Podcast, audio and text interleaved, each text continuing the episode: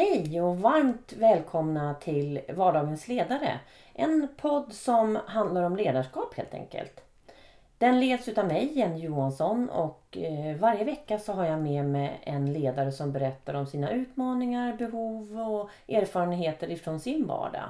Hej och eh, varmt välkomna till avsnitt 27 av Vardagens ledare.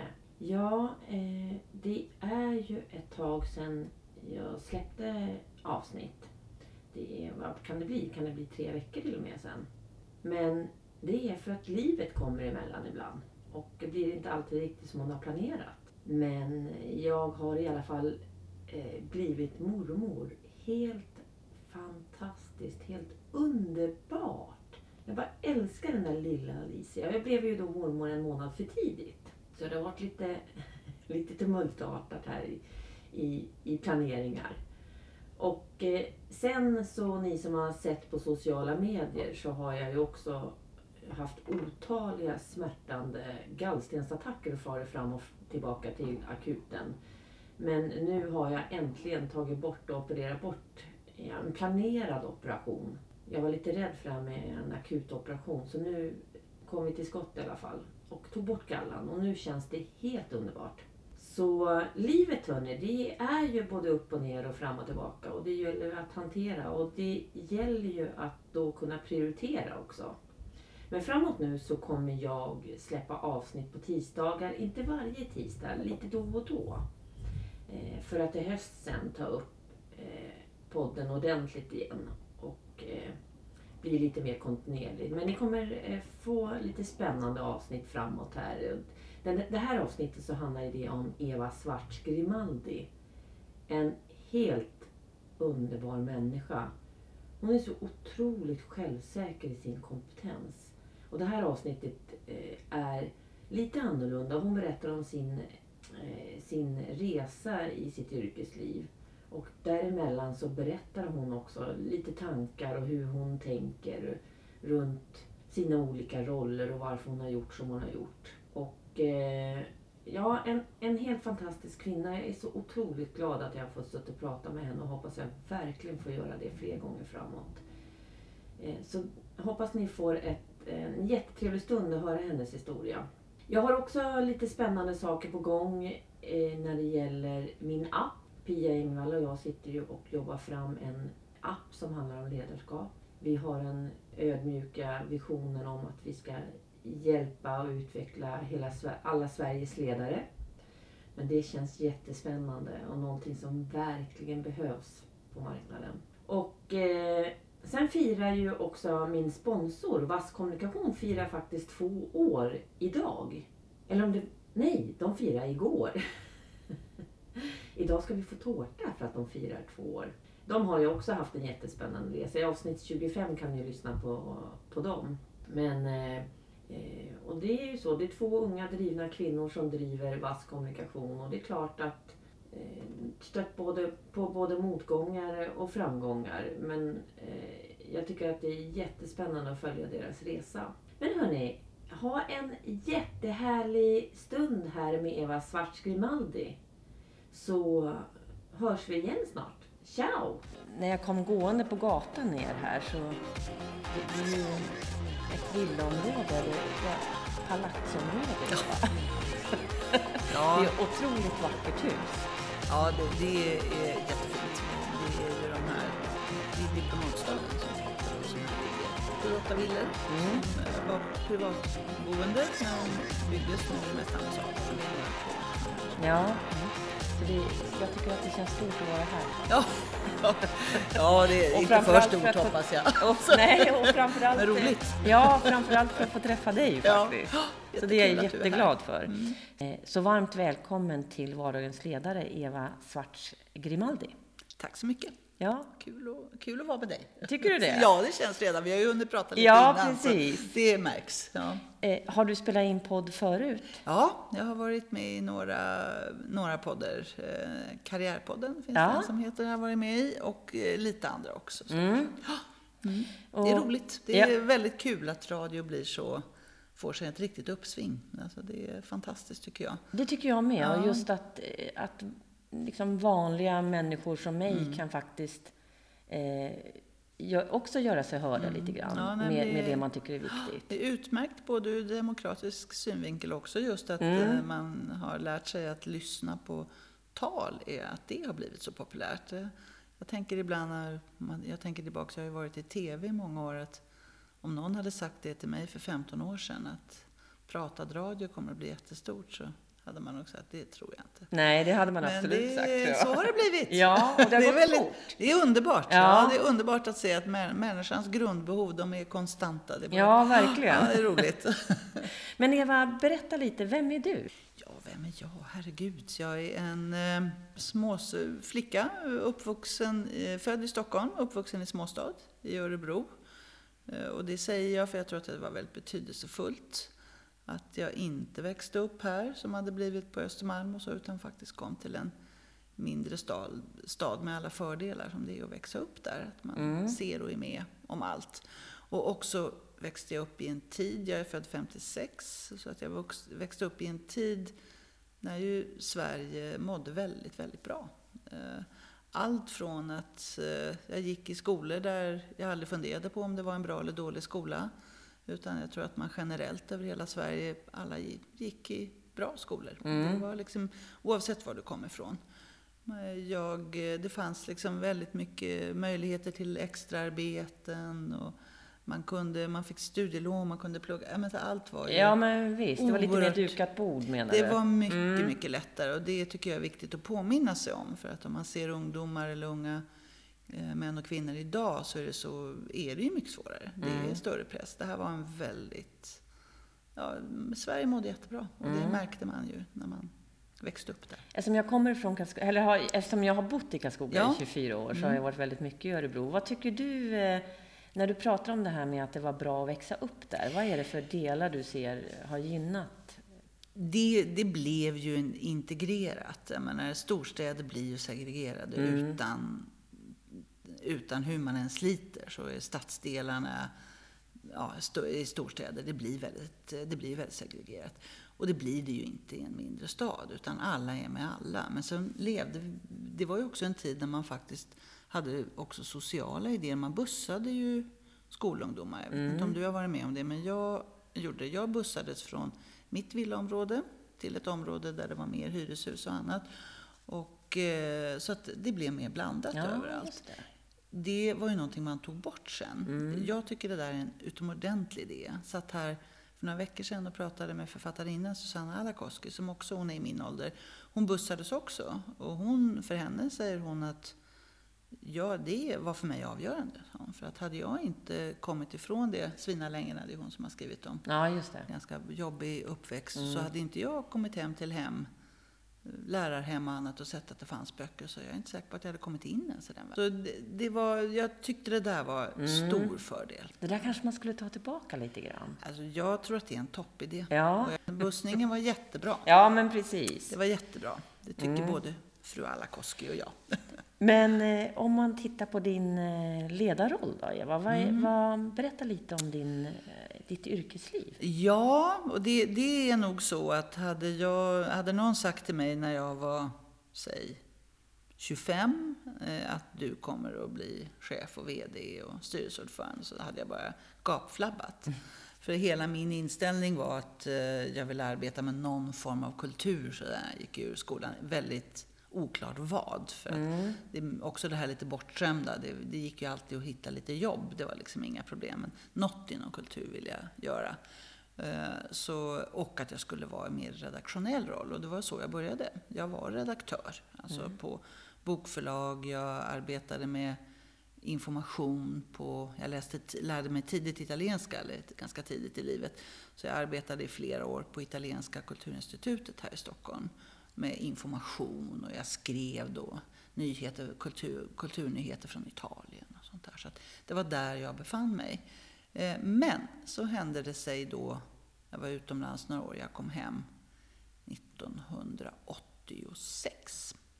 Då började ju tankarna på kommersiell TV i Sverige. Och jag hade en kompis som skulle börja göra TV-program. Och han ringde mig och frågade om inte jag kunde vara med och göra det. Och jag sa aldrig i livet. Sån här otäckt, Motorsågsmassakern, reklam för barn.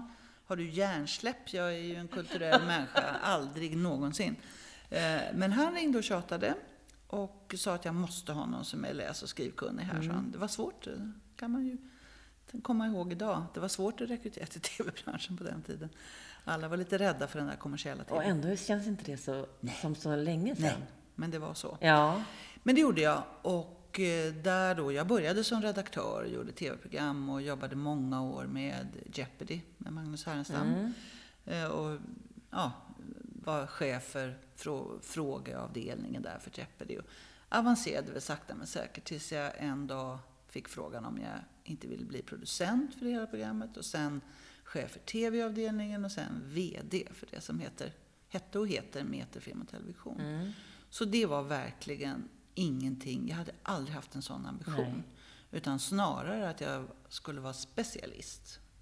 För det är ju ändå så att blir du VD och chef så är du generalist ändå i någon mm. bemärkelse. Att du behöver vara inne och peta Ja, man behöver vara inne och peta i mm. många frågor och sånt. Och eh, det tog mig också några år faktiskt att inse att jag tyckte det var väldigt kul.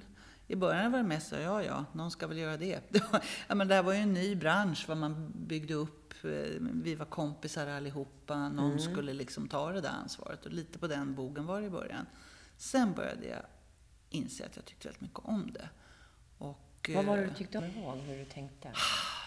Min chef då, som sen blev koncernchef och var den som startade Meter Film och Television, han kallade mig för Fröken Svanström.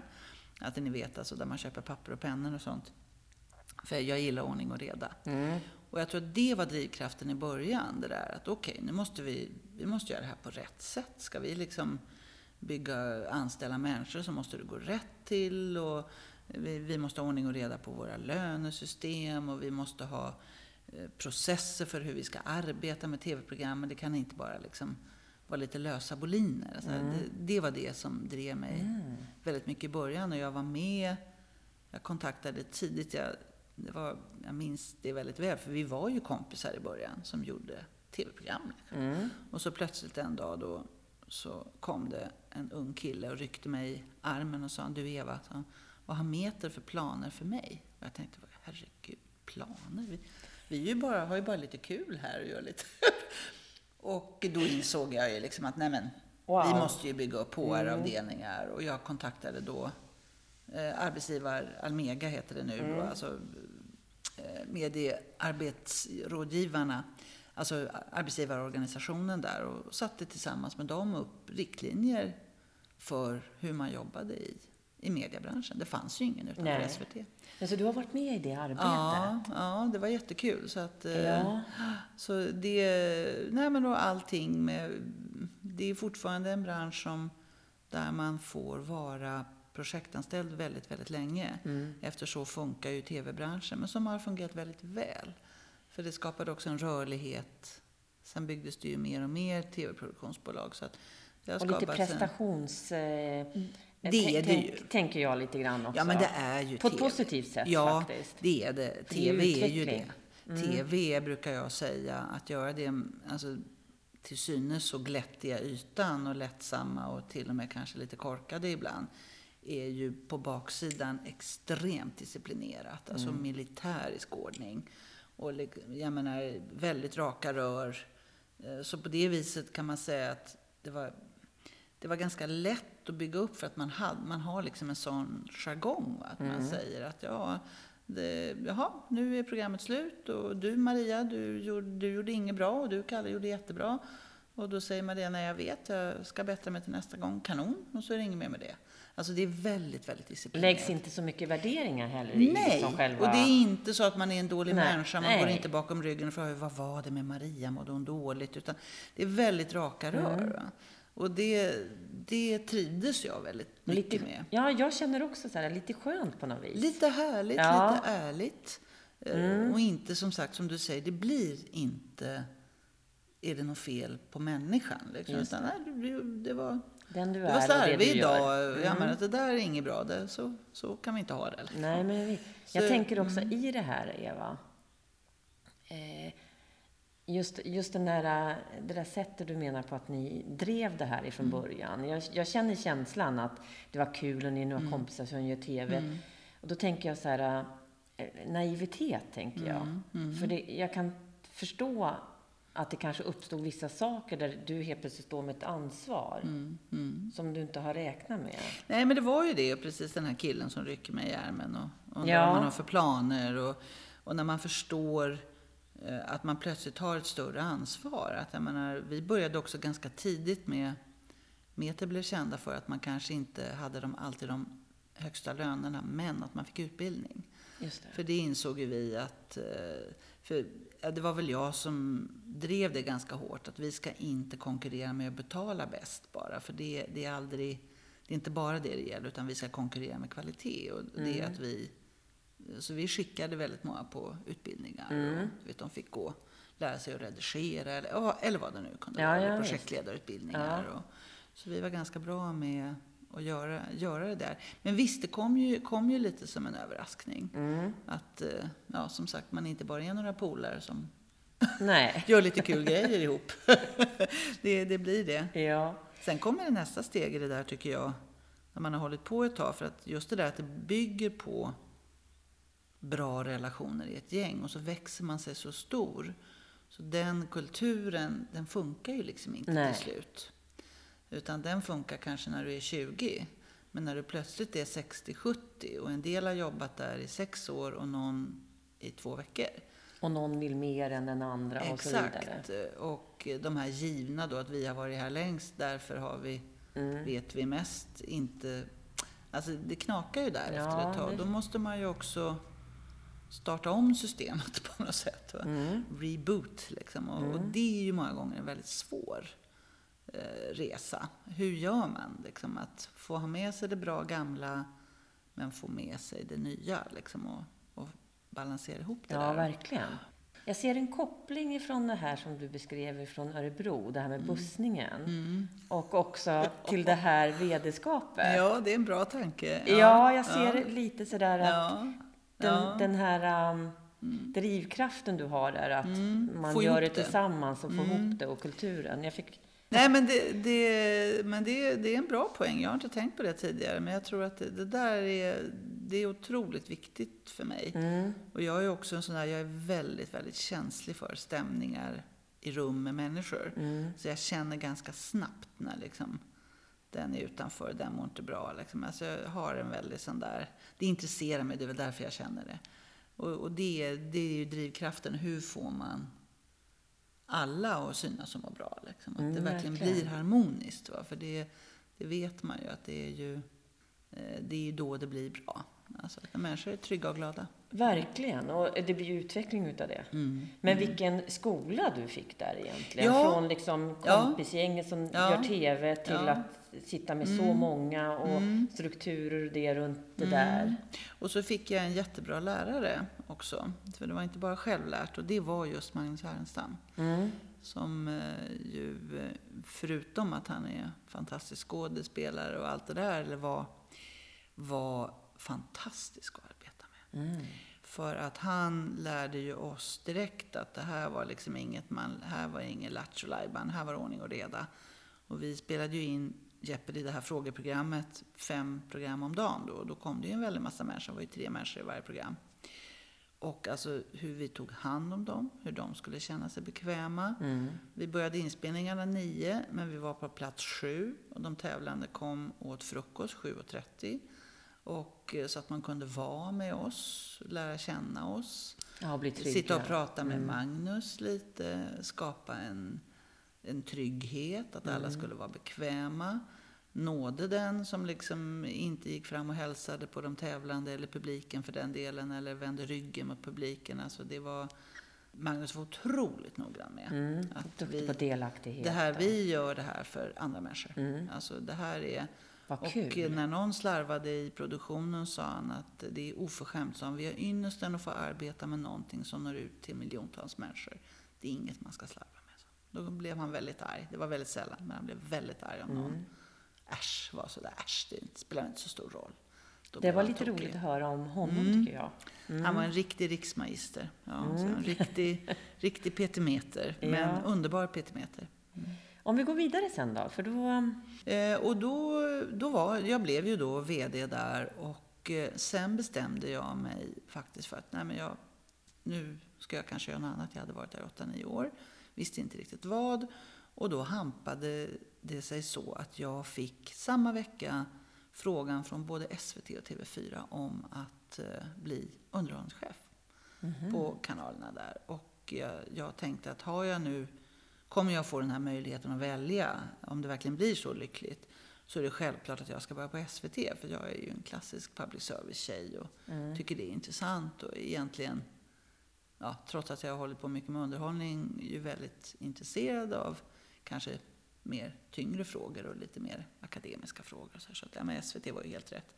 Men eh, på den tiden på SVT, jag hamnade eh, först på någon HR-avdelning och sen hos någon annan på någon HR-avdelning när jag skulle intervjuas och sen hos någon chef som inte visste riktigt var i organisationen jag skulle vara. Det var otroligt rörigt. Alltså, och väldigt, väldigt... Eh, man förstod direkt att det här, här finns inga raka... Det var inte din teamroll heller riktigt. Nej, och jag var ju inte van från Nej. den här världen där TV var mycket mer grupp. Mm. Och, och då motsatsen till att jag träffade Jan Scherman som då var programdirektör på TV4 och vi gick ut och satt och pratade en hel kväll om värderingar av ja, hur man ser på det när man arbetar med ett sånt starkt medium som TV, där allt man säger och gör når så många och är, liksom, får sånt genomslag. Så allvarliga frågor kring det. När jag det var, fick frågan det var så, ett lätt val där på något Det blev ett väldigt lätt ja. val. Och då kommer en av mina poänger, att liksom det här att man ska aldrig låta sig lockas av alltså en namn på ett företag eller någonting. Utan man ska vara väldigt noga med att se, mm. vem ska jag arbeta med? För det är ändå det det handlar om sen varje dag. Verkligen. För idag, den frågan är uppe idag ganska mm. mycket tycker jag, att man ska mm. välja sin chef, mm. eller hur? Mm. Ja, och det låter ju också väldigt bortskämt, för man, naturligtvis kan man inte alltid göra det, men att jag tror ändå att när man söker karriär och så där, så ska man tänka mycket, mycket mer på vem man ska arbeta med och kanske inte alltid det har inte jag varit alltid så inställd på att det alltid ska vara lite finare och bättre och bättre betalt. Att det inte är det som är det viktigaste. Utan lite sidled och lite snett neråt om man träffar rätt människa ger oftast karriären en större boost. Liksom, för att man hamnar rätt. Mm. För det gjorde jag sen jag var på TV4 då i 8-9 år. Jag blev sen programdirektör där och vice VD. Trivdes bra, men var lite sådär Alltså TV är väldigt, väldigt krävande. Mm. Och man blir ju mest utskälld. Ja, det är mycket. ja, men det är ju mm. det. Liksom. Det är ju mm. sällan någon säger åh, det där gjorde ni jättebra. Utan det är det som är dåligt eller man har publicerat fel. Eller, ja. Mm. Eh, men, och det är mycket att hantera, stora frågor och sånt där. Men alltså, jag, jag trivdes alltså utomordentligt väl. Men jag hade också den här längtan, den här kanske lite mer akademiska längtan i mig. Men jag vill hålla kvar lite grann mm. där vid TV4. För att där har jag också läst, eh, för det var ju väldigt mycket manliga kollegor. Mm. Eh, du gjorde ju några sådana här statement. Att du... Ja, nej men det var, det var ju väldigt mycket så. Alltså Janne valde ju mig som kvinna till en hög mm. chefsroll där. Och eh, eh, när jag Alltså när jag hade börjat här precis som underhållschef, då var jag den enda chefen i, i Jannes gäng. Då det fanns ju sportchefer och nyhetschefer och allting som var kvinna. Mm. Och jag minns jätteväl att eh, Janne brukade ha sådana på fredagarna för all personal. Korvfredagar, man åt korv och så drack man lite öl eller vin. Och satt och babblade lite. Och eh, det brukade ofta sluta med att hans närmsta chefer satt kvar lite längre.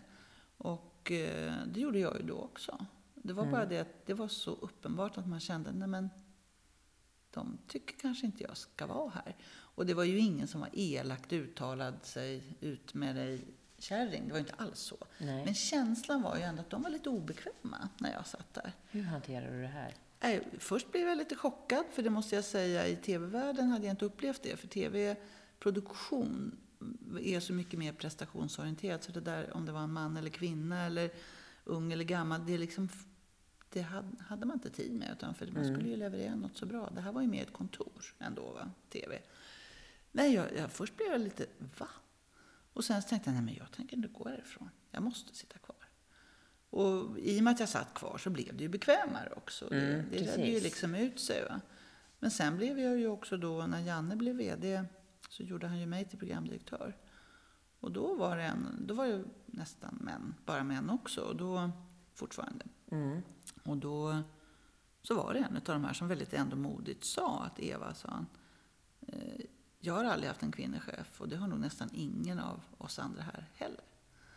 Eh, och han sa det bara liksom. Och, mm. och, och, det där förstod jag, men det här måste jag ju på något sätt hantera då. ja, hur eh, hanterar du det där? Ja, genom att försöka vara, se det som så självklart som möjligt på något vis. Att det ja. inte, jag tror att jag försökte ändå med det. Att liksom, jag gör ingen affär av det, alltså behöver inte ni. Liksom lite försökte jag göra det.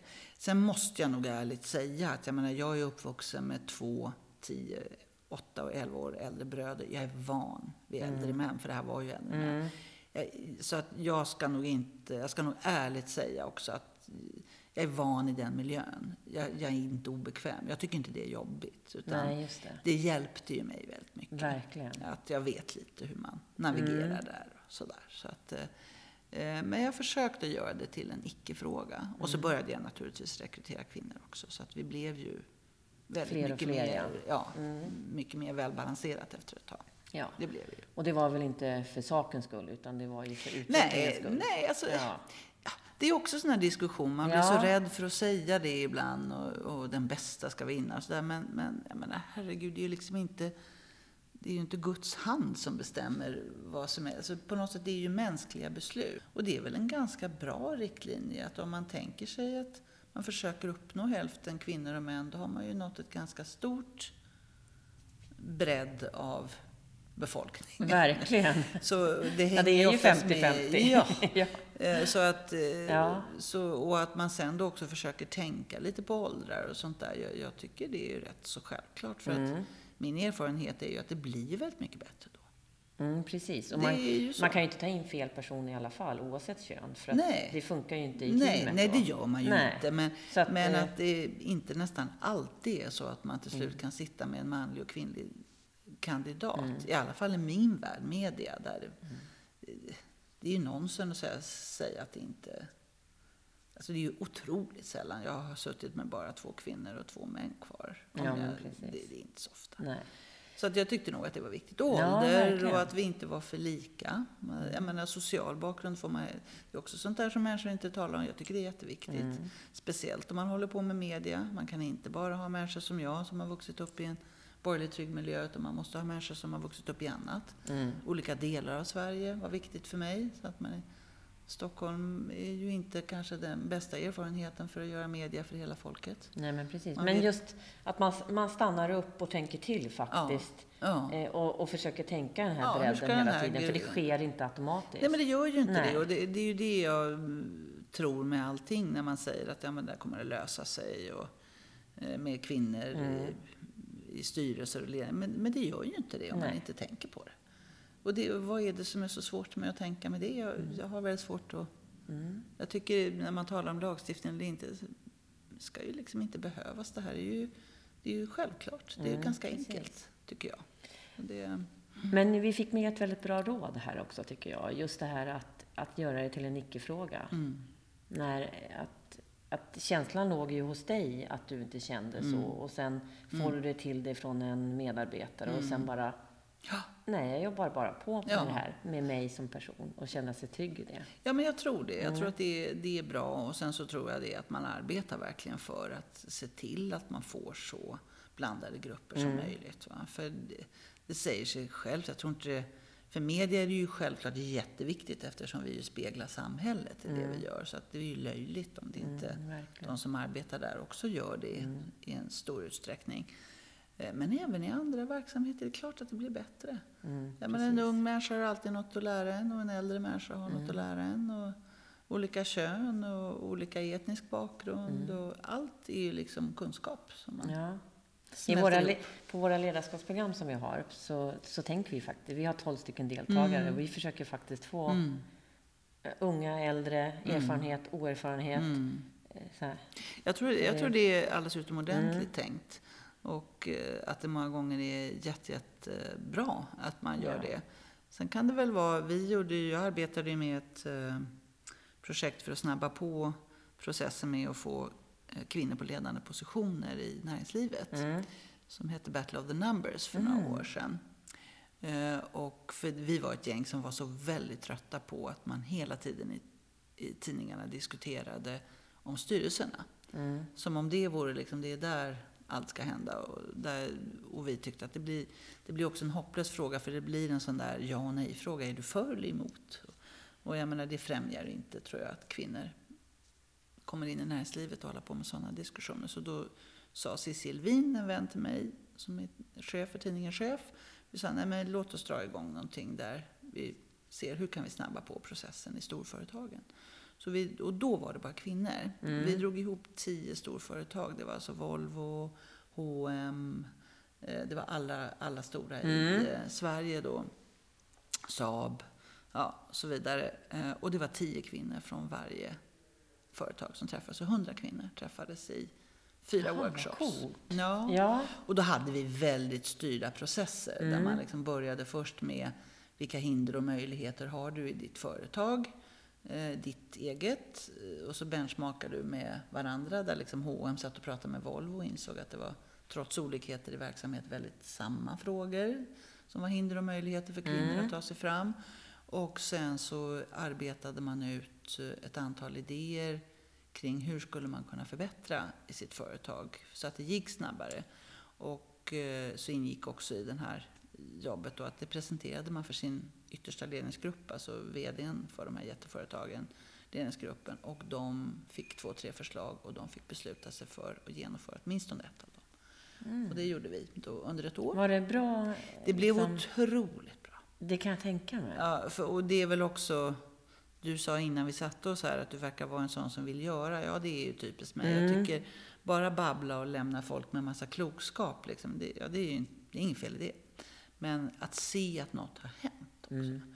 Och det är klart, när de går upp, de här tio tjejerna, och säger hörni, nu, vi är här på H&M, jag har pratat med Volvo, Saab och eller, alltså stora storföretag och nu är det de här idéerna som vi ser vi ska genomföra här, vad tycker ni om det? Och de får ja på genomföra två, det är ju toppen. Det är ju helt underbart. Ja, så det var väldigt, väldigt roligt. Ja. Det var väldigt kul. Varför inte fler sådana projekt?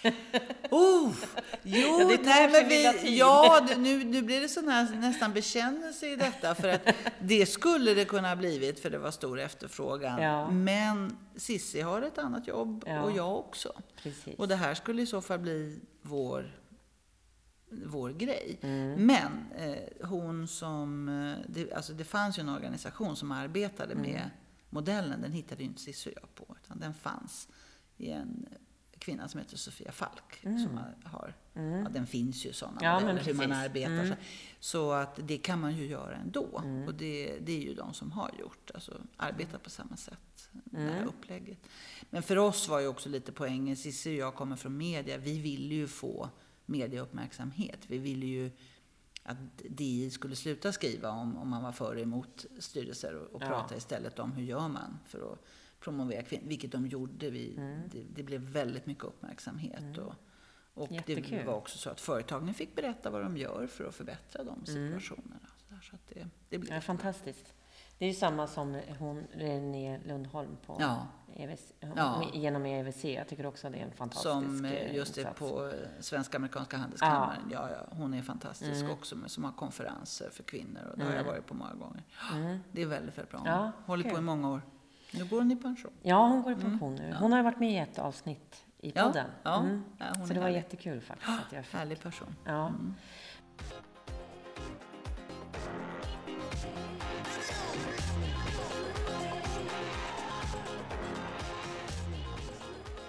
Ja, men då, då satt jag där på TV4 och då ringer en headhunter och frågar om jag vill bli VD på Natur och kultur. Som är ett stiftelseägt förlag, gammalt fint förlag från 20-talet. I en av de större då, det är Bonniers och Norstedts och Natur och kultur. Och, var det som att få en gåva när du fick frågan? Ja, ja, det var det. Och framför allt att någon kom ihåg att jag kunde läsa. För att, ja, just det. så, min mormor brukade säga att det är lätt att få en fläck på sig, det är svårt att få bort mm. den. Så. Ja, men jag hade ju blivit mycket så här, TV, det är klart. Eva liksom. Eh, och då till böcker. Mm. Och också i en tid det här var nu ska vi säga att jag säger rätt, 2004. Och då ska man minnas att då var böcker, ansågs det väldigt på fallrepet. Och det, åh, det var, allt skulle digitaliseras och det skulle försvinna. Och, så att när jag då tackade ja till det här erbjudandet och det blev känt så tyckte ju de flesta i min bransch att jag hade hjärnsläpp. Liksom, att, är du inte klok? Liksom, du jobbar ju med TV, det är ju jättespännande. Vad ska du in i den där mossiga gamla världen? Och, För då hade ju TV också verkligen börjat bli börjat klättra det var på så enormt stort då. Ja, det hade det gjort.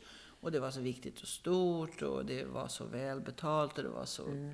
Ja, alla ville jobba där. Men jag tänkte att eh, hur svårt på en skala kan det vara?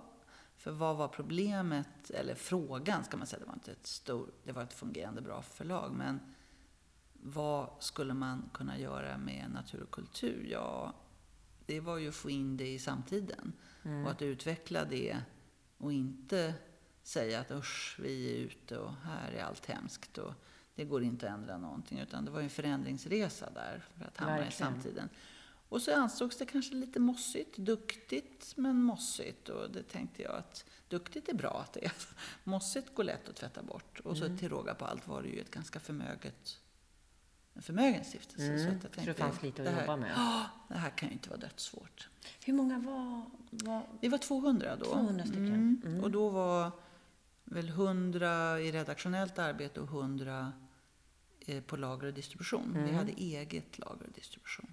Mm. Och det blev ett jätteförändringsarbete för det var ju så att bokbranschen stod inför enorma förändringar. Här hade man en affärsmodell som har fungerat i hundratals år. Liksom. Men eh, länge var ju bokpriser fasta priser på också. Men det hade varit fritt ganska länge och sen hade ju internethandeln bara ökat och ökat. Så vad, vad, vad är priset på en bok? Jag menar, 10 kronor eller Alldeles för 370? lite kan man tycka. Ja, i alla fall väldigt olika. Ja. Och, ja. Men det var ju ganska nytt ändå och ingen riktigt hade ju gjort om sina organisationer. Och till exempel en sån sak som att vi hade eget för vår ganska lilla verksamhet, egen lager och distribution var ju, förlorade vi ju miljontals kronor på varje år. Så det var massor med sånt. Det var som att slå ihop det med andra förlag.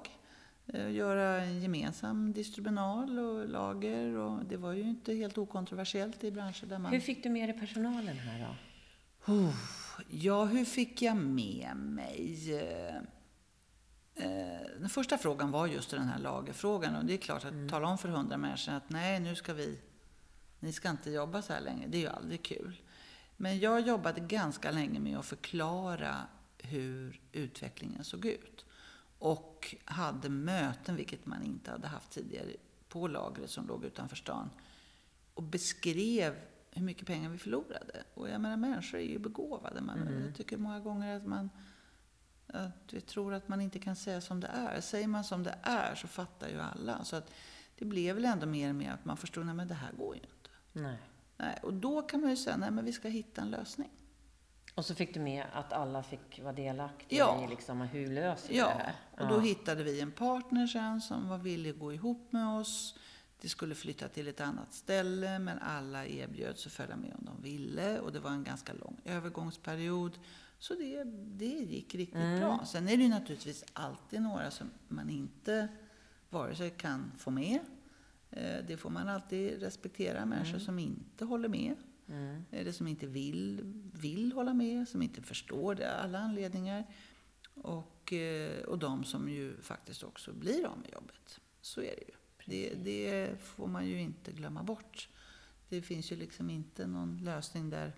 Nej, det finns bara ju inte blir, det. eh, Precis. utan man- Allt blir guld och... Men man får fundera på att minimera de riskerna. Och det som var ju tacksamt här var ju också, i och med att vi hade ett eh, företag som mådde så bra, så kunde vi ju också göra bra avgångspaket för de som skulle sluta. Så att det inte blev så. Jag vet ju, det är ju många, när de går in i de här förändringsarbetena så, så är det ju många som är lite rädda för just det där som ledare. Mm. Då tänker jag, har du några råd att skicka med hur man ska hantera det för sin egen mentala hälsa i det här? Eller är rådet att, att förstå att man kan inte göra mer än så gott man kan? Eller? Nej, men jag tror att... Jag tror nämligen, vad som ofta händer, jag tror att i grunden är alla människor väldigt empatiska. Och naturligtvis tycker att det är jättejobbigt när man inser att den här firman kommer att gå under om inte vi blir 25 personer färre här. Och i grunden är man empatisk och vad är problemet? Jo, man, man har problemet att vara dum mot någon, för det är i grunden det man är. Man säger ja, något obekvämt. Eh, och då är mitt enda råd, det är att tänka, hur skulle jag själv tycka? Hur skulle jag? Eh, och då är det ju att berätta precis hur det är. Mm. Det är så här. Det är på det här viset. Och att man har torrt på fötterna, att man inte håller på att dribbla med vem man ska ut, utan att man följer alla regler, gör precis rätt och riktigt, inte håller på och hittar på för att slippa säga upp någon. Alltså, aldrig, tycker jag. Man får köra raka rör. Eh, och sen är det att tala om precis som det är. Och säga att man är, det här är jäkligt tråkigt, men så här mm. är det. Och sen så säger man att, tycker jag också att det är bra att dela upp det i, i lite bitar. Mm, att man börjar med det och säger att gå hem nu och fundera, prata lite och vi ses imorgon igen. Och då kan vi prata om hur mm. och på vilket sätt. Eh, ja, det, det var ju jättebra. Det där, jag tycker hela känslan här var bra råd faktiskt. Just att, att vad är alternativet mm. mot att inte göra den här mm. insatsen? Jo, mm. det är ju att egentligen vara, om vi då ska säga elak inom citat, mm. mot alla. Mm. Ja, det är ju det. Det, det, är ju det som blir eh, frågan då. Va? Och sen är det som sagt det där tycker jag att, att faktiskt att vara ärlig mot människor är ju, mm, är ju oftast verkligen. det bästa. Men med empati, att, att hela tiden tänka sig att could be me, det kunde vara jag. Mm. Så blir, tycker jag det hjälper mig rätt mycket. Och sen är det ju det här att följa upp. Va, som, det har jag lärt mig av en chef. Jag hade Torbjörn Larsson som var oerhört framgångsrik på såväl Aftonbladet som Expressen och mm. var VD på TV4 ett tag. Det är ju också att inte släppa det Både det här att, att man faktiskt tar det i lite omgångar. Sen när man väl har kommit överens och sagt att okej, okay, nu är det det här som gäller. Nu får du nio eller elva månader eller vad det är och det är det här datumet och allting. Och när de är kvar på jobbet, att faktiskt gå ner där. För det är många som då, då känner, nu är jag klar. Nej, då tar man ta med 17 och sträcker sig på ryggen och går dit och frågar, Kalle, hur känns det idag då? Att visa att du och jag är fortfarande två människor. Det är inte så att nu är jag som chef klar med dig och nu behöver vi göra det, gå ner och se till att det alltid är någon form av avskedsceremoni eh, mm. på något vis. Säger personen i fråga, jag vill inte, klart man ska respektera, men då skickar man en blommor eller gör någonting. Men så empatiskt tycker jag. Det är jätteviktigt. Ja. Och sen är det en sak till som han lärde mig. Eh, det är att ring sen. Efter ett halvår, månader. Hur är det? Mm. Hur går det? Har du gjort det? Ja. ja. Och det, det, är också, det är ju skitjobbigt och man tycker egentligen, åh, är så skönt slippa, nej, och tänk, han är säkert arg.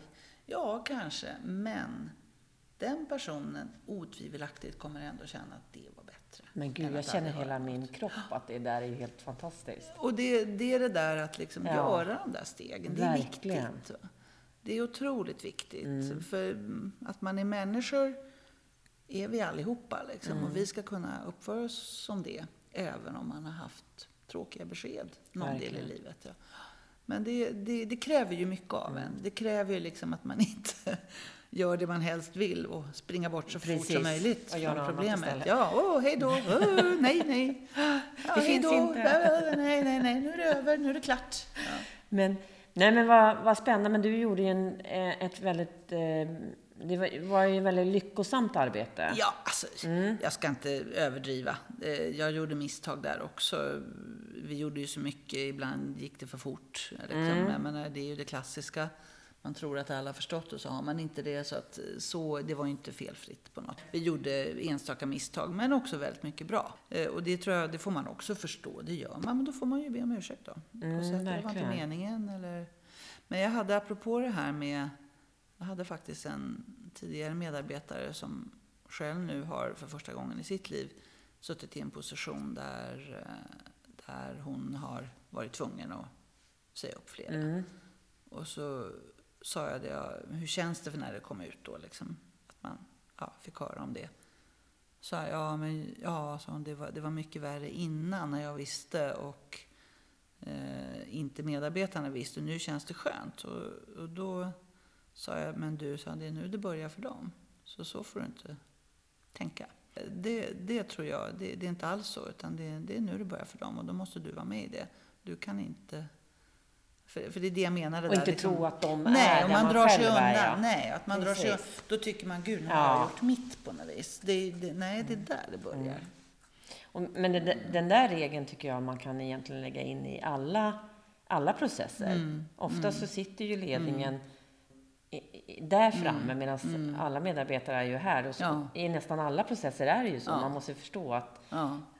de har inte kommit dit Nej, där jag är nu det börjar. Ja, precis. Nej, det var man är mm, med mycket där. bra. Det, men jag förstår, jag Fick menar hon inte... hjälp? Tack hon? Tyckte Ja, hon det var bra råd sen? Ja, hon sagt det, någonting? ja, det, det, det tror jag. Ja, jobbigt först. Ja. tror jag. Men jag tror att det sjunker in. Liksom. Ja, jo, men jag förstår den Ja, reaktionen. jag har ju själv... Det är klart man tänker så. "Åh, Gud, nu har jag Skönt. äntligen sagt det här. Gud, vad skönt. Nu är det...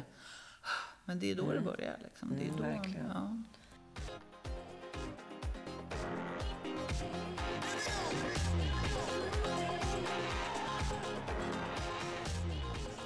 Sen, eh, nu är jag diversarbetare. Jag lämnade mitt VD-jobb där av det som jag oftast tycker att livet består av, såväl professionella som personliga skäl.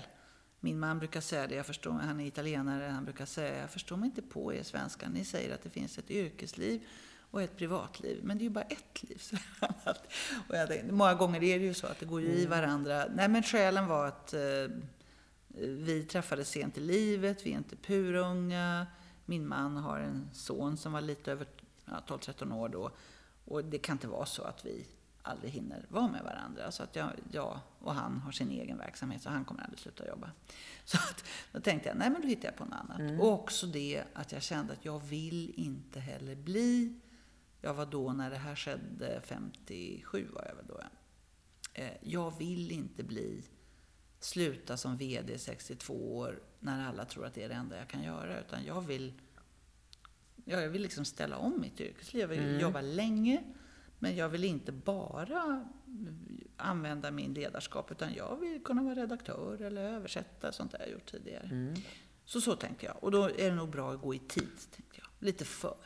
Jag har en chef som alltid säger, Eva, du går alltid lite för tidigt, du är aldrig kvar. Och, Lite och liksom modig, njuter av frukterna. Ja. Sen, eh, ja, jag vet inte om det är modigt eller bara dumt, men man är som man är. Liksom. Ja.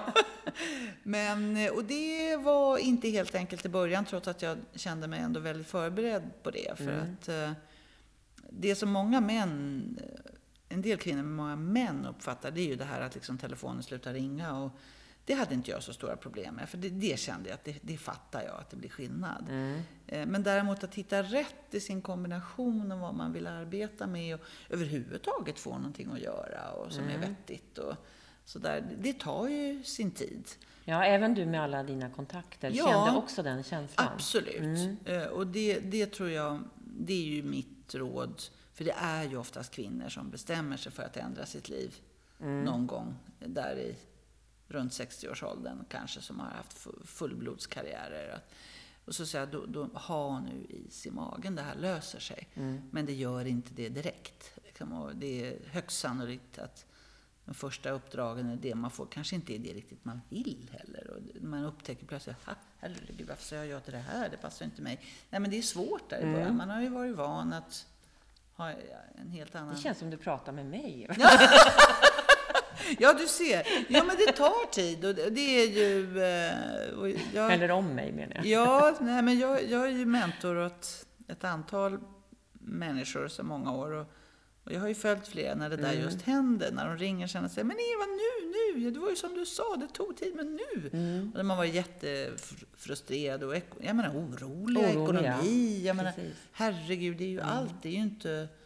Det är ju verkligen reella problem. Verkligen. Men att det, inget händer på två sekunder. Mm. Det, det är ju väldigt svårt att förstå när man är, det, det hänger väl ihop med att när man är chef och stora verksamheter, ja då händer ju faktiskt allting hela tiden. Ja. och så kommer man ut i något där tempot ser annorlunda Mm. ut när man är diversarbetare då. Men nu har du ju Ja, väldigt många Nu styrelseuppdrag. har jag jättemycket, nej, jag jobbar Ja. jättemycket. Men je- men jag är ordförande då i, i Norstedts förlagsgrupp, gläder mig verkligen. Och jag är också ordförande i Apotea, som är apotek på nätet, snabbväxande verksamhet. Och eh, jag är ordförande i Dobermann som är webbdesignbyrå som har gjort bland annat SVT Play, då brukar man förstå vad vi mm, arbetar ja, med för typ av mm. frågor. Vi gör inte så mycket hemsidor som mer sådana här komplexa mm. system då, och sånt arbetar vi med. Beteende orienterade och En variation av styrelseuppdrag Ja, det är jättekul. Ja. Eh, och där är jag ganska operativ i alla tre mm. där. Det trivs jag jättemycket med. Men så har jag också varit redaktör åt min väninna eh, Cissi Elvin mm. på hennes eh, chefdagar och event där jag har satt ihop program och mm. ja, hållit i, skrivit texter om de som ska upp på scen. Och så så att det, jag tycker det är toppen. Ja, att kul. Eh, inte bara så att säga, Nej. jag får göra lite olika saker. Det tycker jag är kul. Spännande resa tycker jag. Mm. Nu, nu, har jag lite frågor sådär. För jag ser, du har ju haft både strategiska och operativa mm. eh, ledarroller. Mm. Eh, hur, hur använder du dina styrkor i de här olika rollerna? Ja. Ja, men jag... Eller vad är det som är dina styrkor som ja, gör att du klarar det är en bra fråga. Här? Inte fasiken ja. vet jag.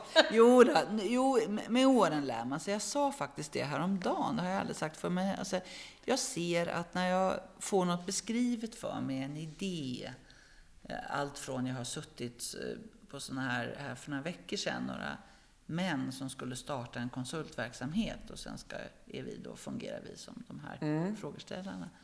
Och jag satt häromdagen också i en styrelse där jag är välgörenhetsstyrelse där man hade en idé om ett nytt projekt. Så ser jag att jag är väldigt snabb på att se hur sjutton får man till det här? Vad är bra och dåligt i det här? Jag är ganska bra på det. Alltså konkreta råd och tips mm. om nej, flytta på den dit, gör så här, slå ihop det här istället. Det där kommer inte att funka så. så. Alltså jag, jag är ganska bra på det. Ganska kreativ, säger jag. Eh, att, så egentligen så blandar du ju både liksom, dina styrkor till att kunna funka både strategiskt och Ja, jag operativt. tror det. Och jag tror det, för att jag ser också på de här som jag är mentor åt. De, det gläder mig att höra. De tycker väldigt ofta att de får väldigt mycket konkreta, bra råd. Mm. Såväl som, som många säger för hur jag ska hantera mitt privatliv och yrkesliv. Ja, det, det, där som bara är ett, som min ja. man säger då. Men, nej, men som att liksom, mm. nej, men försöka göra så här i businessen. Alltså, jag, jag tror att jag är ganska, jag liksom hittar lösningar ja. rätt ofta på hur man tar sig vidare. Mm. Alltså, det, Kul! Och det tycker jag är roligt också. Ja, ja. jag tycker det låter roligt. Ja. det är kul. Men det, det har jag inte liksom. fattat riktigt för Det var roligt när du ställde frågan, för jag, det var faktiskt bara häromdagen jag sa jag tror faktiskt att jag är bra på det här. Jaha. Och se de här möjligheterna och lägga ihop på annat sätt. Och, ja. ja. och sen så tänker jag så här, äh, om du skulle vilja skicka med ett råd till dig. Vi, vi låtsas att du börjar din karriär nu som ledare. Mm. Mm. Och så, och, och så är du här nu. Va, vad skulle du vilja skicka med till den här nya... Ja. Alltså jo, jag förstår precis ja. vad du menar. Jag funderar på, för att det där är ju svårt. Men jag tror ändå det är väldigt viktigt. När man är ung kanske man inte vet så väl vad är mina fördelar. Alltså inte det är klart att jag är 60 år nu och vet det lite bättre. Jag har ju mer erfarenhet av vad jag har varit bra och mm. dålig på.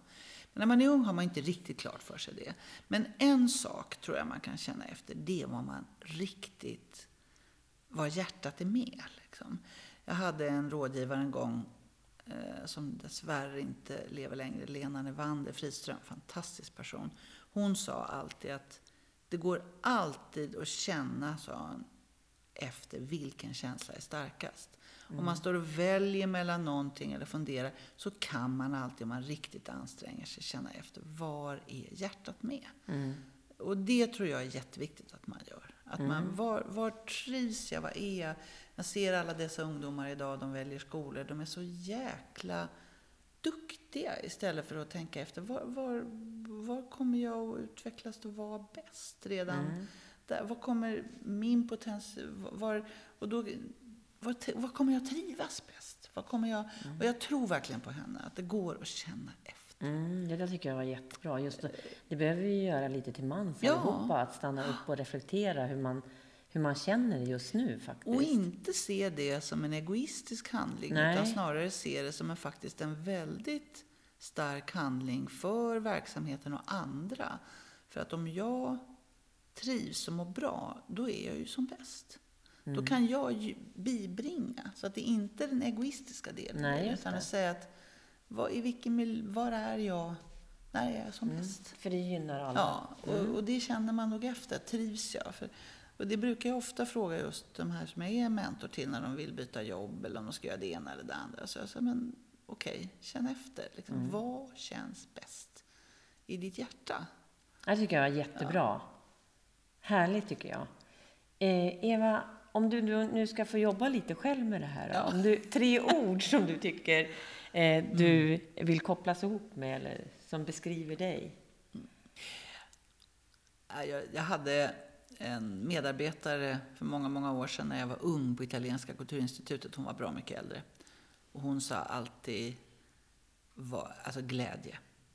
Eh, bestäm dig för att vara glad, sa hon. Det, det kommer inte alltid automatiskt. Gå upp på morgonen och tänk, fasiken vad kul. Alltså det är verkligen mm. det där, att mm. bestämma sig lite och, och tänka att allting är roligt. Glädje. Mm. Se glädjen och verkligen ansträng dig för att vara glad i det du gör, även när du är lite hängig. Det är jätte, jätteviktigt. Sen är det liksom hårt arbete. Jag måste säga det. Jobba hårt. Mm. Mycket. Jobba mycket. Tänk om. Vänd och vrid. Alltså verkligen starkt fokus och hårt jobb. Så det blev två ord, jag är ledsen. Glädje, eh, hårt jobb och eh, två ord till, uppåt och framåt. Uppåt och framåt. Mm.